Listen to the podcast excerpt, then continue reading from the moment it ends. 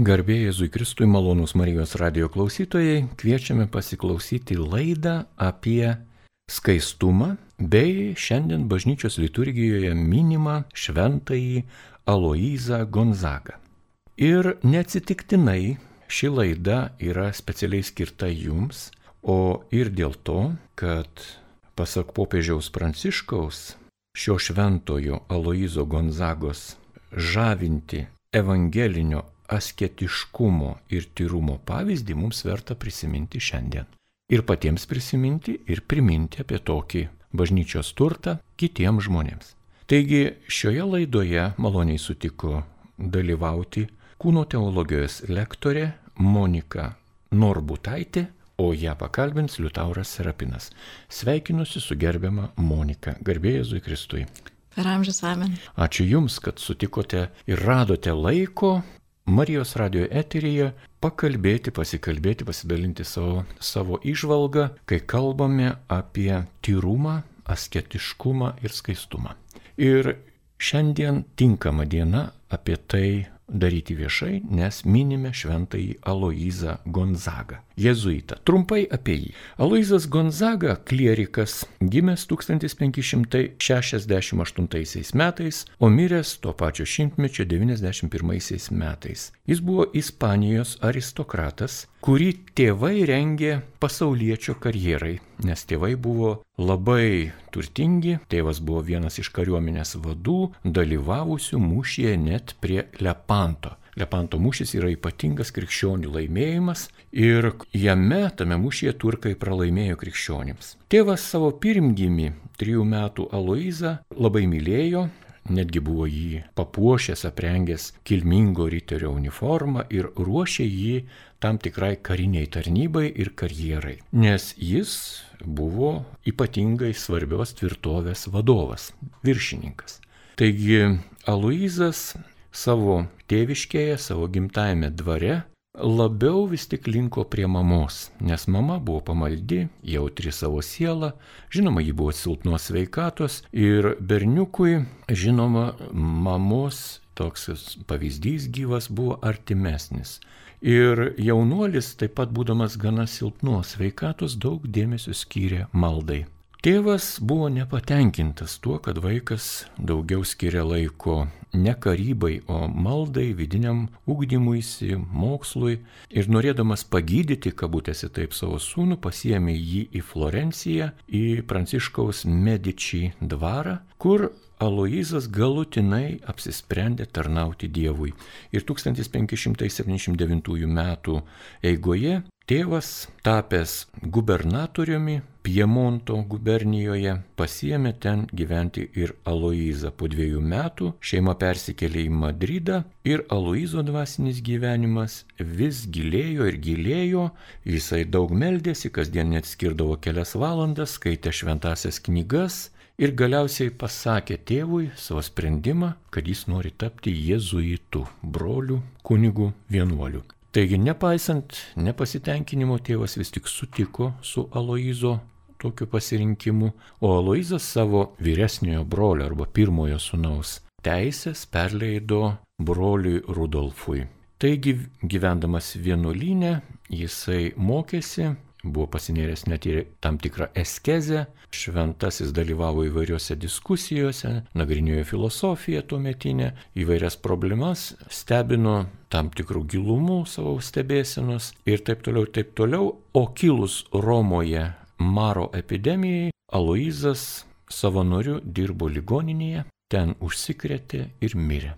Labai panašus laikai kaip ir pas mus dabar. Pandemija, lygos mirtis. Taip trumpai apie šventąjį Aloizą Gonzagą. Jis mirė 1591 metais. Na, o dabar turėtume kažkaip pereiti prie tų vertybių, kurias Gonzaga vienokiu ar kitokiu būdu pats deklaravo savo gyvenime ir kurios jam buvo svarbios. Ir popiežiaus raginimas, popiežiaus pranciškaus raginimas, na, atkreipti dėmesį į evangelinio asketiškumo ir tyrumo pavyzdį mus nuves į šios laidos turinį. Taigi, gerbiama Monika, skaistumas, evangelinis asketiškumas, tyrumas Tai tokios vertybės, tokie žodžiai, kurie šiuo metu galbūt nėra labai populiarūs, nėra madingi, o gal aš klystu?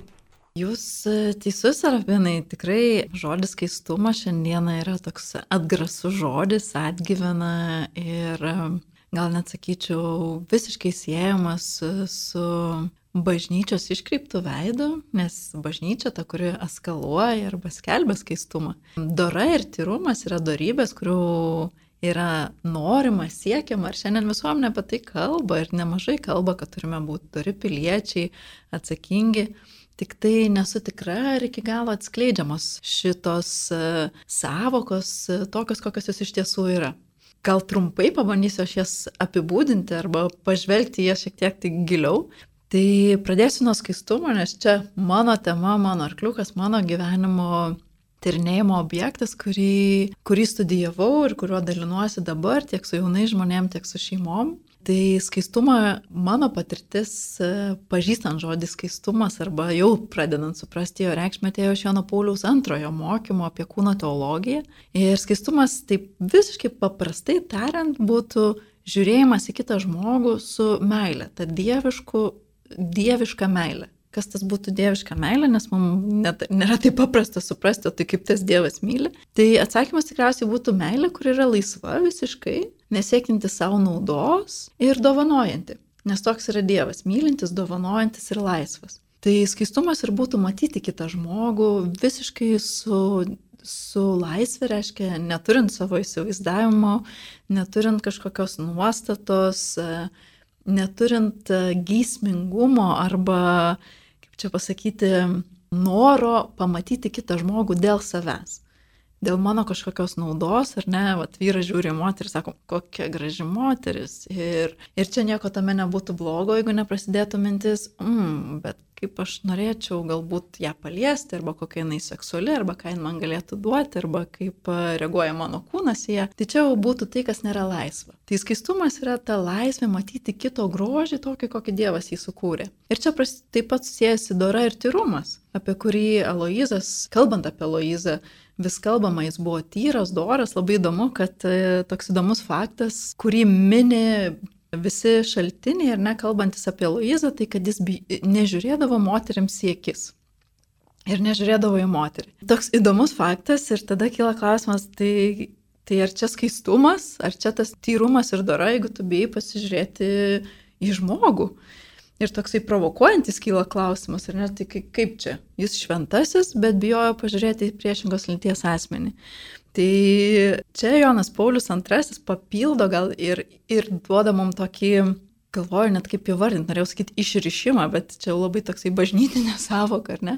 Bet duoda tą tokį labirinto atradimą arba išskleidimą šitos savokos ir, ir šito paaiškinimo, ar galim žiūrėti į moterį ar negalim, ar ne, ar čia jau skaistu ar neskaistu, arba ten moterį į vyrą kažkaip tai. Tai šitoje vietoje Jonas Paulius II ir apgina Aloizą, kad tas žvilgsnis nuleisti akis prieš kitą lytį, jeigu mano širdis nėra visiškai laisva, yra labai sveikas ir teisingas dalykas. Bet to tarpu nebijoti matyti kito žmogaus ir nebijoti grožėtis juo yra žmogaus laisvė. Ir labai įdomu, kad Jėzus kalbėdamas e, su savo mokiniais sakydavo, kad ne tai, kas ateina iš išorės suteršia žmogų, bet tai, kas ateina iš jo širdies. Tai čia galėtume kalbėti apie tą vat, Aloizo nežiūrėjimą į, į priešingos lyties asmenis ir siejant su darybė ir skaistumu ir jo tvirtumu, ar ne, neleisti kažkokį pagundą ateiti į jo širdį, nes jeigu jie ateitų, tai jis jau nusidėtų. Tai šitoje vietoje labai gražiai Jonas Paulius II apgina, ar ne, kad jeigu mūsų širdis tyros, tai galime žiūrėti ir vyrą, ir moterį, bet visada yra tas pavojus uh, kitą pamatyti kaip savo naudinga. Tai va tas pirminis žingsnis, tas tokia praktika ir geras sportas, ar ne, kartais nuleisti akis, kol mano širdis dar nėra laisva, ne, nematant kito kaip savo naudos, nepriklausomai net, tai neturi būti tik tai fiziškai ar ne kažkoks potraukis, bet šiaip tiesiog atsitraukti nuo kito žmogaus, jeigu kyla noras man jį kažkaip panaudoti savo gėriui, savo malonumui, savo egoizmui, tiesiog atsitraukti nuo kito žmogaus būtų viena iš tų darybių, kurias galėtume praktikuoti ir mokytis to iš Aloizo. Ir atsitraukus eiti melstis. Labai įdomu, kad e, Aloizas e, pasnikaudavo tris kartus e, per savaitę ir tikrai nežmoniškai daug melsdavosi. Ir tas padėjo tyrinti jo širdį ir skaistinti jo širdį ir tapti tuo vat, šventuoju, kuris gebėjo rūpintis kitais, dorai gyventi. Ką reiškia dorai gyventi? Gyventi taip, kaip Dievas mūsų kūrė, pagal jo planą. Gyventi taip, kaip jis trokšta, kad mes gyventume. Kad galėtume gyventi taip, kaip Dievas trokšta, ką turim daryti, tai pažinti tą Dievą. Nes kitu atveju būtų labai sunku gyventi pagal kažkieno planą, kurio mes net nepažįstam ir nežinom to plano esam, esančio mums. Tai Aloizas buvo vienas iš tų šventųjų, į kuriuos norisi žiūrėti su tokiu, nežinau, netgi norėtų sakyti pavydu ar ne, bet pavydas būtų įda, tai su tokiu užsidegimu ir tokiu noru irgi tuo gyventi, tam pamaldžiame gyvenime, kurį jis gyveno ir skyrė tiek daug laiko tam. Ir taip tyrino savo širdį, pažinamas Dievą ir pažinamas jo planą jam.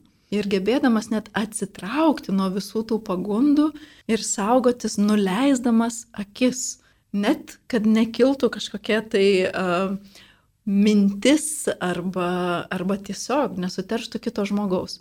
Tai kalbant apie skaistumą, labai gražus dalykas e, yra tai, kad ir Jonas Paulius II ir, ir bet koks krikščioniškas, e, čia sakyti, autorius, jeigu galim būtų taip sakyti, ir ne vis sako, kad pradėkit nuo savo širdies. Skaistumas tai nėra tik tai nesimylėjimas, nėra tik tai neturėjimas lytinių santykių, nežinau, nežiūrėjimas pornografijos ar ten dar kažkokių dalykų, nedarimas, ką mes dažnai, nu, gal girdime, taip visiškai, sakyčiau, nu negaliu sakyti banaliai, ne, bet taip tiesmukai kalbant, e, dažnai tiesiog girdime, nesimylėkite, nežiūrėkite pornografijos, neištvirkaukite iki santokos ir būsite skaistus. Tai iš tiesų, va, tas e, pavyzdys maldos, tyros širdies atveria dar didesnę platybę, kas, ką reiškia būti doru ir skaičiu žmogumi, nes tai kalba ne tik apie mūsų litiškumą, kas yra be galo svarbu ir skaistumas siejasi su tuo nemažai, bet kalba apie kito matymą kaip mylimo, kaip to, kurį Dievas sukūrė ir kuris yra vertas mūsų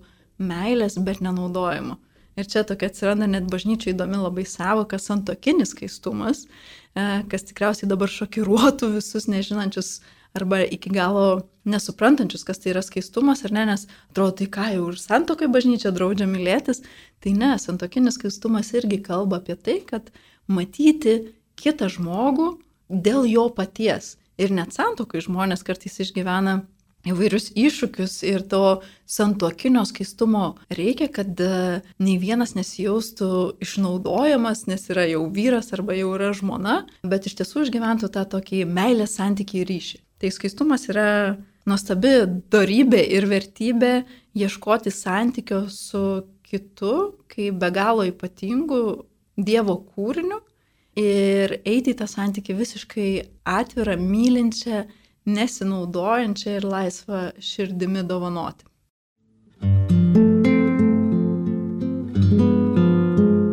Jūs girdite Marijos radiją.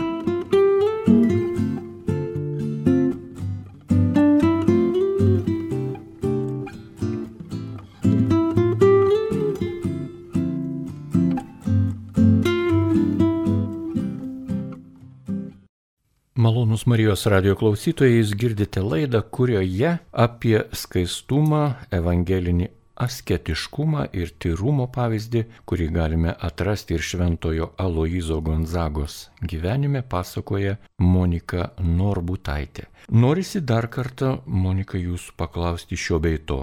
Aloizas Gonzaga mirė ir Nepraėjo ne 15 metų, kai buvo paskelbtas šventuoju. Ir iškart po paskelbimo jo, na, tas mistinis toks kaip švento globėjo, nežinau, titulas palėtė labai daug žmonių gyvenimų. Palėtė asmenys, jie jį pradėjo laikyti savo globėjų, patronų, melstis, užtarimo prašyti jo ir taip toliau. Pasiekė ir Lenkijos ir Lietuvos valstybę. Taip mes katalikai suprantame, kad yra šventųjų bendravimas, bet apie Aloizą, apie patį jo pamaldumą nieko nėra išlikę.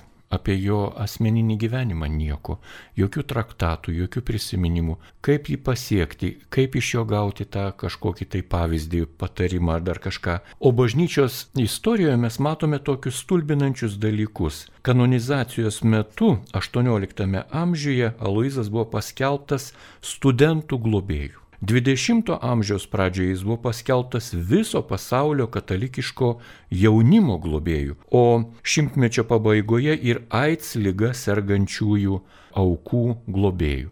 Tai jam misija uždėta labai didelė, o apie jį patį nedaug ką rasime. Kaip suktis, kaip gyventi. Gal čia ir yra tas nuostabusis jo asketiškumas, kad apie jį mažai ką galime rasti. Žinant, kad jis mirė 23 metų, būdamas labai doras, asketiškas, pamaldus ir pakankamai, galėčiau sakyti, nesiafišuojantis ir kuklus jaunuolis, tai nuostabus ir gražus pavyzdys, kad nebūtina garsiai rėkti ir nebūtina garsiai šūkauti ir tikrai nebūtina būti matomu arba kažkaip ne tai, kad būti matomų, nes šventieji buvo matomi, bet nebūtina rodytis, kad taptum šventuoju. Tai man tai čia labai gražus pavyzdys jaunuolio, kurį popiežius prisimena ir ragina būti jaunus žmonės drąsius, priimti iššūkius, būti jaunus žmonės drąsius, būti nepopuliariais, nesijimti ten kaip Aloizas ar ne, jis atsisakė viso tėvo rodomo kelio ir rinkosi būti nepopuliarų kelią, rinkosi Jėzų, tarnystę, maldą ir tylėje tarnystę. Tai manau, jo pavyzdys paskatina tik dar labiau džiaugtis tą Dievo dovana, kad kiekvienas gali būti šventasis ir jis apie jį neturi būti daug rašoma, skelbiama, jis net neprivalo nuveikti super didžių dalykų, apar to, kad atsiduoti maldai ir mylėti žmonės. Na, bet ir mūsų šventasis Kazimieras galėtų būti toks pat kaip Aloizas Gonzaga. O gal ir geresnis. Nu, nelyginami dalykai, bet mes lietuviai esam tam tikro charakterio žmonės. O mes norime palyginti, o kad yra šventesnis. Šventas Aloizas ar šventas Kazimieras. Mums lietuviam šventas Kazimieras. Ir dar nei mūsų tokiai reiškia iškalbai atitartų broliai katalikai Lenkai. Visiškai sutinku ir labai palaikau. Tikrai Šventas Kazimieras yra uh, mūsų, kaip čia sako, mūsų kraujo tautietis ir tikrai bažnyčia turėtų žiūrėti į sa savo žmonės, kurie buvo arti jų, nes tai buvo realiausi pavyzdžiai. Ir reikia džiaugtis tuo, kad kiekviena šalis turi savo šventuosius ir nebūtina jų čia nei lyginti geresnis, aukštesnis, mažesnis ar ne. Turim savo šventuosius, džiaugimės jais, būkime pamaldus jiems, nes tai yra puikus pavyzdys, kad uh, ir šitom gatvėm, kur vaikšto mes, galėjo, gali vaikščioti šventieji. Tai šitoj vietoj tikrai džiaugiuosi Lietuvos bažnyčia, kad nepamiršta ir nesidairo tik tai už sienų, kas ten yra geriau ir daugiau, bet mėgaujasi, džiaugiasi ir yra pamaldus savo vietiniam šventiesiam, kurie primena, kad kiekvienas iš mūsų galim tokiais būti. Yra mūsų istorijoje dar vienas toks asmuo, kuris yra palikęs tą prisilietimo ženklą prie šventojo Aloizo Gonzagos. Tai yra Magadano kankinė arba Sibiro maldaknygės autorė Adelė Dirsytė, ateitininkė, kuri į kalėjimą buvo paimta sovietų okupacijos metu už tai, kad buvo tiesiog pažįstama su Ladigų šeima, kuri tuo metu buvo ypatingai, na, tokia Lietuvos nepriklausomybė atliepianti šeima, generolas Ladiga buvo autoritetas lietuviams ir ką kita. Ir šitos Sibiro maldaknygės autorė Adelė Dirsytė išleidusi ant cemento maišų popieriaus maldinėlį, kurį labai daugelis tremtinių tiesiog pažinojo tuo metu, nes tas maldinėlis buvo tiesiog rankomis perrašomas. Tame maldinėlėje jinai rašo, šventasis Aloizai, kuris visą gyvenimą baltų žiedų žydėjai, kuris tyrų orų alsavai, kuris didžių vidinių džiaugsmų spindėjai, kuris saulės šviesoje augai, žydėjai ir vaisių nešiai, padėki mums iš aukštybių, padėki mūsų tautos ieškotojams surasti vidinį gyvenimą, padėki mūsų visus skaiščiais idealų keliais eiti. Amen. Na, graži malda.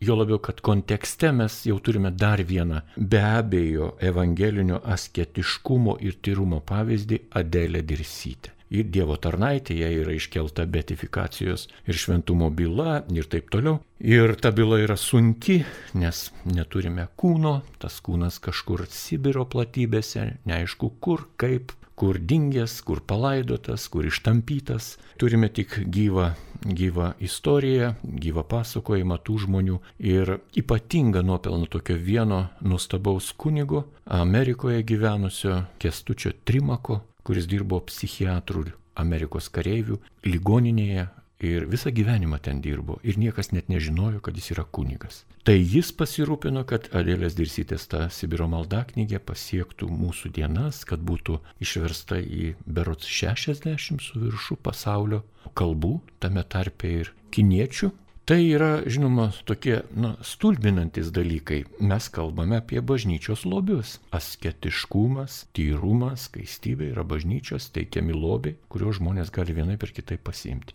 Monika, jūs esate labai patyręs žmogus kūno teologijoje. Tai yra tam tikra disciplina. Tiems klausytojams, kurie pirmą kartą išgirdo terminą kūno teologija, kas tai? Tai kūno teologija atsirado su Jonu Pauliu antruoju prasidėjo jo audiencijose kaip popiežiaus kalbose, trečiadienio kalbose, kuris kalbėdavo svarbiais klausimais, tokiais kaip kas tai yra žmogus, kam jis yra sukurtas, kam skirtas žmogaus kūnas, kas tai yra tas didysis nuopolis, nuodėmė, kurį mes turime, kas yra geismingumas.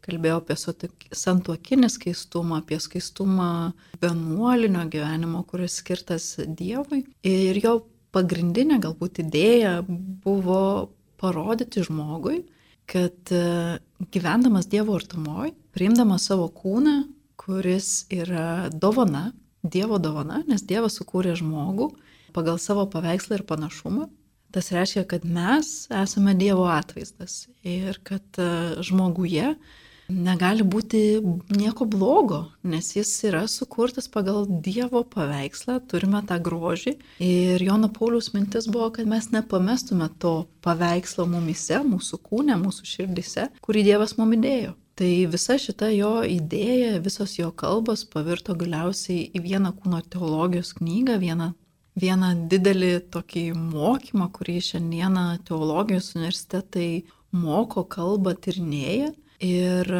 ir labai gražu, kad tą skleidžia daugiau negu tik universitetiniam lygmenį, bet kad tai peržengia pagaliau e, institucijų sienas ir, ir, ir tai yra kalbama jaunimui, kalbama šeimoms apie tą kūno grožį, kūno paskirtį ir žmogui suteiktas dovanas, kaip tą kūną gali naudoti. Nes vieta meilė apskritai meilė ir intimumas yra vieta, kur dažniausiai žmonės klysta.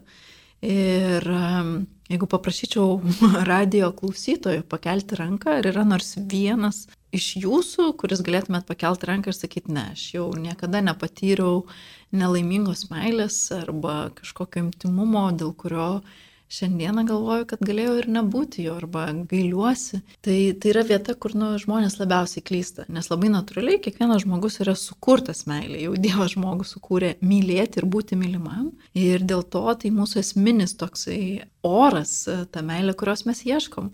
Ir kadangi kuo labiau tuo gyvenam, tuo labiau klystam nes esame paveikti nuodėmės. Tai Jonas Paulius II, kalbėdamas kūno teologijai, ir skleidžia visą tą mūsų, iš kur kyla ta, tos klaidos, tą nuodėmingumą, bet lygiai taip pat labiausiai, ką akcentuojasi į tas dovanas, kurias davė Dievas ir kurias mes galime naudoti, naudodami savo kūną. Ir matyti tą kitą, kaip ir jau minėjau laidos pradžioje, ar ne, kaip didžiausią dovaną.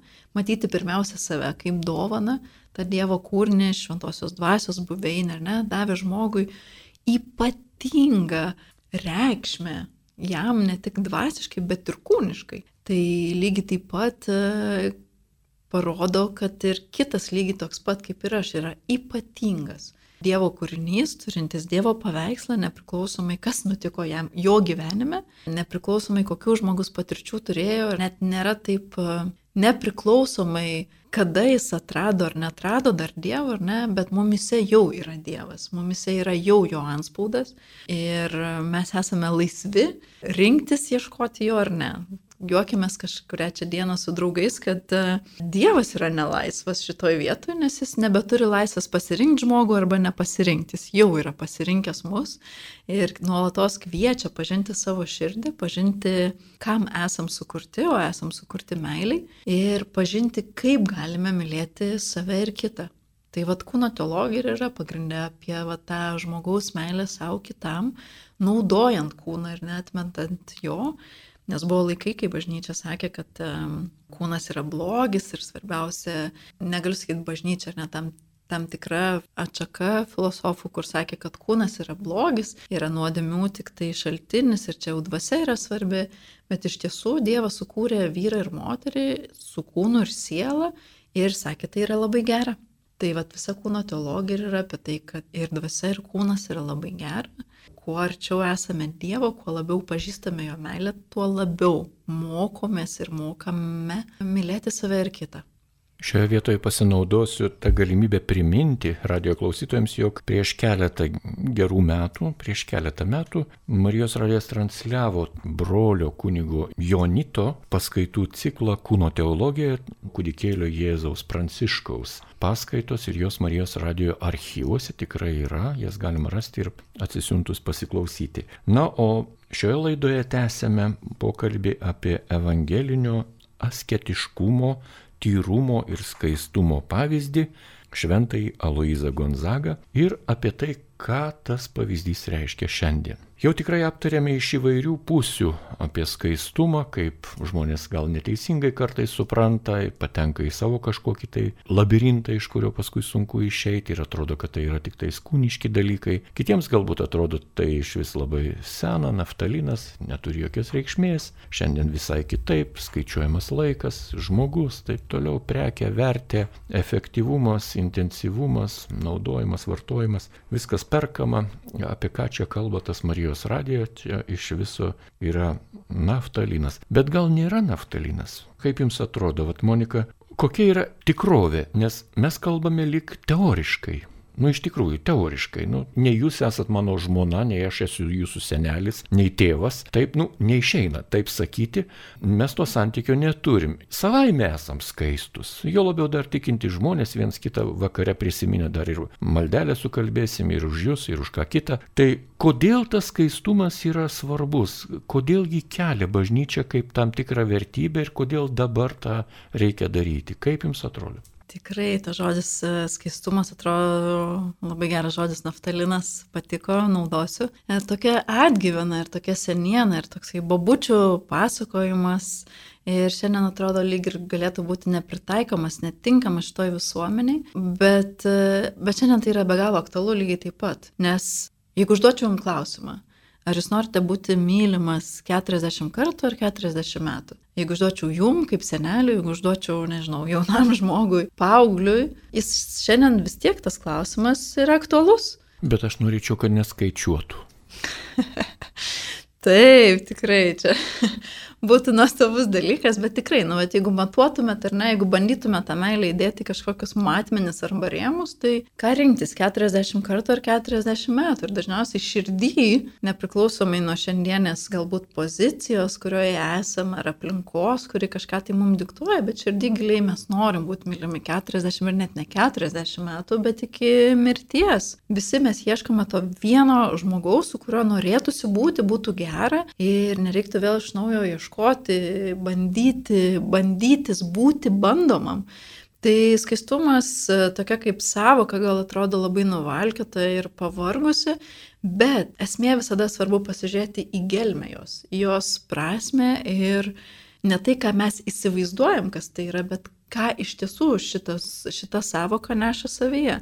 Tai šita savoka savyje neša tai, kad uh, mylėti, mylėti kitą laisvai, mylėti kitą nenaudojant ir mylėti kitas e, norint jam paties geriausio. Tai ar mes norime mylėti kitus, Taip, man atrodo, žmonės jaučiasi tada geri, kai myli kitus. Ar norime mylėti laisvai, kai mūsų niekas neriboja, e, nežinau, geismai, pykčiai, pavydai, dar kažkas. Taip, nori mylėti kitus laisvai, nu, nes ta našta, pavydo, geismo ar dar kažkokia, nu, nėra maloniai ir yra našta. Ar norime mylėti taip, kad uh, nebijotume prieiti prie kito žmogaus, pasakyti jam ger, gerą, e, grožėtis ir gerėtis juo visapusiškai, taip, to norime, šiandien tas nepavyksta. Tai mano atsakymas į tą klausimą, ar tai yra aktualu, taip aktualu, jeigu mes tą žodį skaistumas išverčiam iki jo vidurių ir bandome įsiaiškinti, iš ko jis susideda.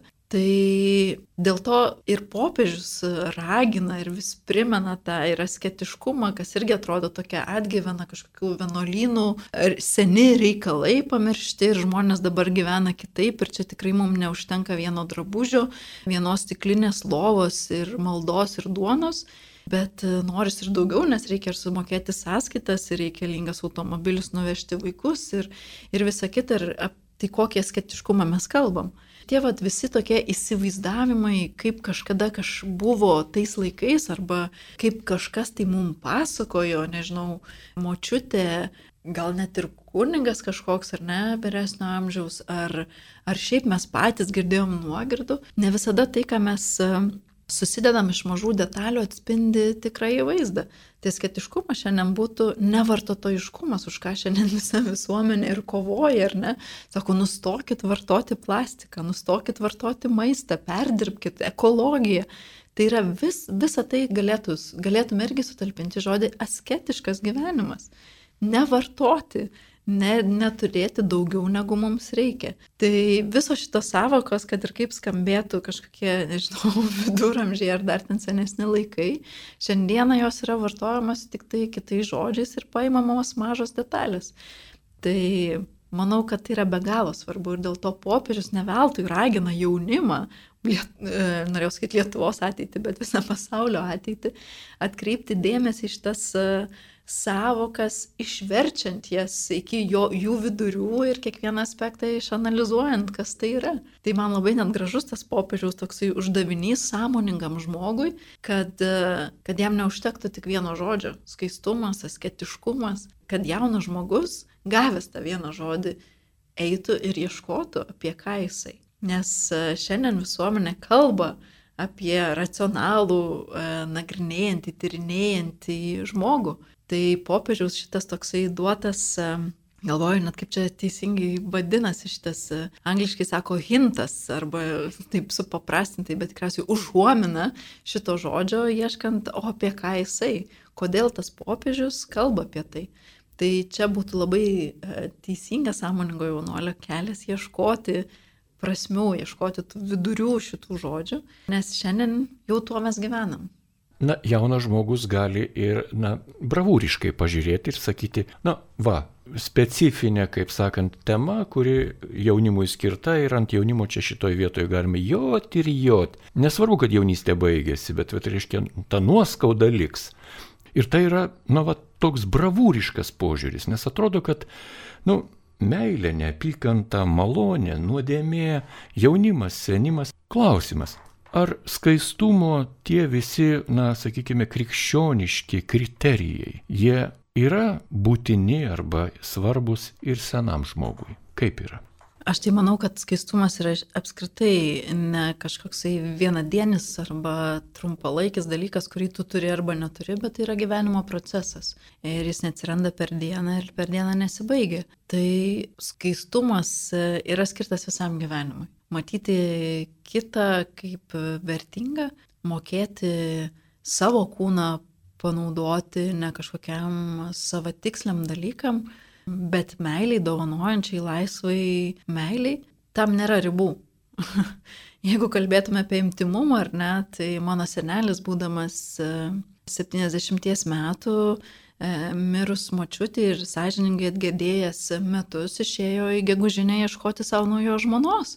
E, nes nenorėjo praleisti viso likusio savo gyvenimo vienas ir, ir vat, po metų e, virš 70 metų žmogus šoko vestuvėse.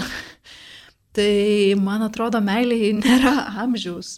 Ir nepriklausomai ar tu jaunas, ar senesnis, mes visi norim būti mylimi. Ir labai natūraliai, kad mūsų kūnas trokšta tos pačios intimiausios meilės, kokią gali turėti žmogus. Tai lytinis aktas. Ir net jeigu ir tau 70 ir galbūt e, visą, ką tu gali tik tai apkabinti ar pabučiuoti kitą žmogų, bet e, mūsų mintis ir mūsų širdis e, gali turėti įvairiausių minčių, nepriklausomai nuo mūsų amžiaus. Tai kaip ir sakiau, skaistumas yra ne vien tik tai apie mūsų kūną, bet apie širdį, tai kas išeina iš jos. Tai nepriklausomai nuo amžiaus, nors žiūrint į Aloizą, ar ne, būnant 20 trijų ir tikrai buvo skaistus ir gyveno skaistume, tai galėčiau sakyti, nu, dar paprasta, trumpas gyvenimas, gal nebuvo taip ir sudėtinga, tik 23 metus išbūti skaičiam, žiūrint į tuos senolius, kurie išgyvena 70-90 metų, ar ne, ir, ir vis dar myli Dievą ir vis tiki Dievu ir vis dar geba arba gali pamatyti kitame gėrį, grožį, gali netgi turėti romantinių jausmų kažkam kitam, tai man atrodo čia patys gražiausi pavyzdžiai, mano akimis ir mano nuomonė patys gražiausi pavyzdžiai, kurie vis dar gyvena pagal Dievo planą ir nepalaidoja savęs gyvi anksčiau laiko, bet geba mylėti ir matyti kitus ir, ir geba džiaugtis tuo gyvenimu. Nes, nu, negera žmogui būti vienam, nu, negera. Matome tą iš Adomos ir Jėvos istorijos ir, ir tikrai negera žmogui būti vienam. Ir klysti meilėje, nepriklausomai kokio amžiaus esi, visada yra šansų. Todėl žvelgime į, į, į Aloizo jauną pavyzdį, bet žinant, kad yra ir kitų šventųjų, e, žvelgiant į jų pavyzdžius, ieškokim to Dievo maldoje ir, ir, ir tikrai taip e, galima gyventi tą, tą gyvenimą pagal jo planą ir gyventi skaistume savo širdyje.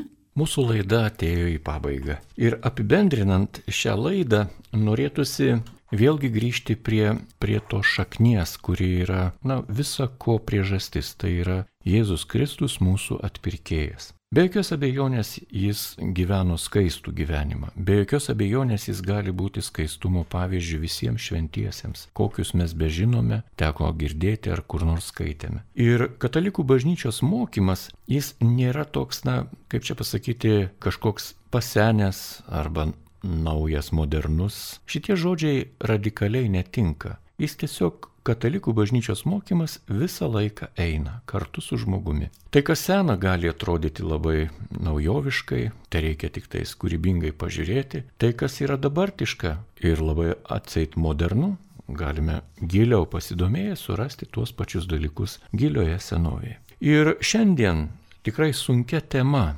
bandėme jūs pasiekti, gerbiamas radio klausytojų, pasiekti jūsų mintis, nesubanalinti, nesubravūrinti, ne kaip nors iškreipti, naudinga prasme. Šitoj vietoje galima naudingai padaryti laidas, o kokią galima auditoriją pritemti šiandienos aktualijose, kurios yra nuolat kažkur tai vis pakutenamos ten ar politikoje, ar sveikatos apsaugos, ar lytinio švietimo, ar ūkdymo programuose. Galima labai daug ką kalbėti, bet bažnyčia šiandien savo metiniai liturgijoje mini šventai Aloizą Gonzagą, kuris mums yra pavyzdys kartu su kitais šventaisiais evangelinio asketiškumo ir tyrumo. Ir dėkoju Monikai Norbutaitei, kuri pasidalino savo kaip kūno teologijos lektorės patirtimi ir išvalga ir mums pažiūrė tikrai gražių perliukų. Taigi ačiū Monika jums ir ačiū jums gerbiami radio klausytojai už šią valandėlę praleistą kartu su Marijos radiju.